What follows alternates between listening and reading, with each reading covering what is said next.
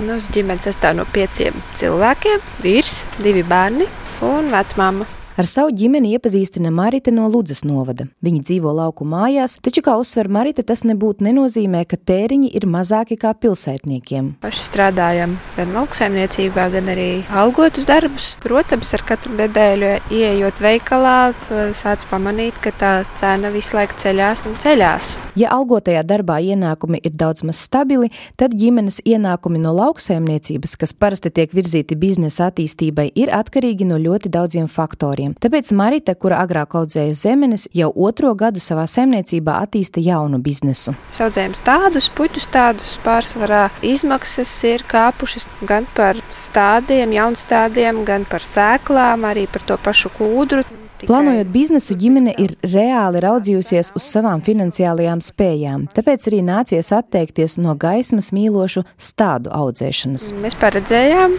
jau, ka būs problēmas ar energoresursiem, ka nevarēsim atļauties audzēt kādas eh, puķus vai citus augus, kam ir nepieciešama, piemēram, piegaismošana. Un tāpēc jau laicīgi izvēlējāmies to, ko mēs varam izaudzēt bez papildu lampām. Svetbank veiktā iedzīvotāju aptauja uzrāda, pieaugušajos ekonomiskās spriedzes apstākļos iedzīvotāji vairāk sākuši pievērst uzmanību savai finanšu plānošanai.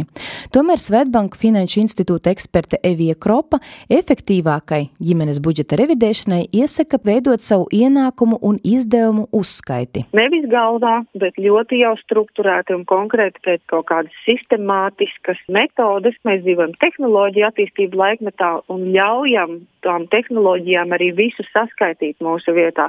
Jo, pieņemsim, norēķinoties iespējami daudz ar maksājumu karti, pēc tam savas internetbankas pārlūkā var arī apskatīt sadalījumu jau konkrēti par noteiktām izdevumu kategorijām. Un tad mans ieteikums būtu patiešām, tad, kad jau tās budžets ir izrevidēts, nu, iedalīt izdevumus visus trīs lielās kategorijās - obligāti maksājumi, nepieciešami maksājumi un vēlami maksājumi. Kā skaidro Evija Kropa, katrai maisaimniecībai šajās kategorijās iekļautais atšķirsies, bet svarīgi prioritāšu sadalē pieiet apzināti. Tad obligāti maksājumi ir tie, kuri ir maksājami nu, bez ierunām, jo tie draud ar kaut kādām nepatīkamām sekām. Komunālie rēķini, pakalpojumu rēķini, kredīti.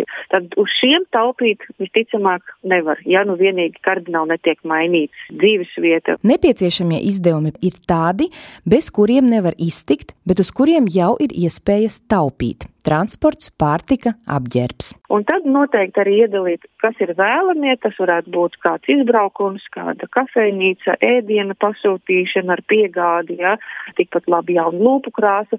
Un šīs lietas jau ir tās, uz kurām taupīt ir visvieglāk. Ja? Un, jā, un tad arī pārskatīt, varbūt kaut kas, kas līdz šim bija nepieciešamajos tēriņos pie jaunajiem apstākļiem, man kļūst tikai nu, vēlams. Tomēr arī te tiek ieteikts saglabāt veselīgu līdzsvaru, jo skaidrs, ka izdevumus ierobežot var tikai līdz zināmam līmenim, un tad, kad līmenis sasniegts, tad, kā iesaka finanšu eksperte, jāķeras klāt pie otras budžeta plānošanas metodes. Viens ir izdevuma korģēšana, otrs ir ienākuma puse. Ja?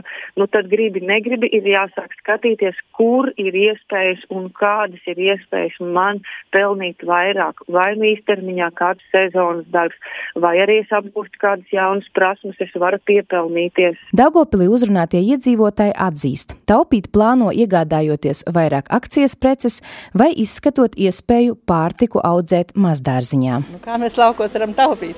Protams, paši jau pavasarī audzēsim burkāni, bietas, kāļu, kartupeļi. Tur jau būs ekonomija. Nu, protams, arī veikalos es skatos, viss, kur ir lētāk. Vēl kur ir akcijas, protams, es neņemu to vienaļas pudelīti, es paņemu divas, trīs. Bet, nu, protams, degviela jau jūt arī, kad jau jāplāno mazliet braucienu. Jā. Pagaidām neatsakamies, bet lielākie tēriņi, protams, ir komunālie. Jo aug malka, jo es kurinu man mājiņā divām krāsnīm. Jā, nu, protams, medikamenti. Iekrājuma nav. Tā tik, cik ir, tik aiziet. Finanšu eksperte Evija Kropa kā viena no būtiskām lietām izceļ arī uzkrājumu veidošanas kā paraduma izkopšanu. Viņa norāda, krāšanas kultūra Latvijas sabiedrībā pamazām nostiprinās. Tomēr šeit es teiktu, ka mums sabiedrībā vēl ir daudz darāmā, jo pārsvarā, tad, kad mēs skatāmies, cik liela tie uzkrājumi ir, liela daļa norāda, ka tie ir aptuveni vienas algas apmērā. Tomēr finanšu eksperti aicina drošības spilvenu veidot tādā apmērā, lai ārkārtas apstākļos nepieciešamākos ģimenes izdevumus varētu nosakt vismaz trīs mēnešu garumā. Renāta Lazdiņa, Iveta Čigāne, Latvijas radio studija Latgalē.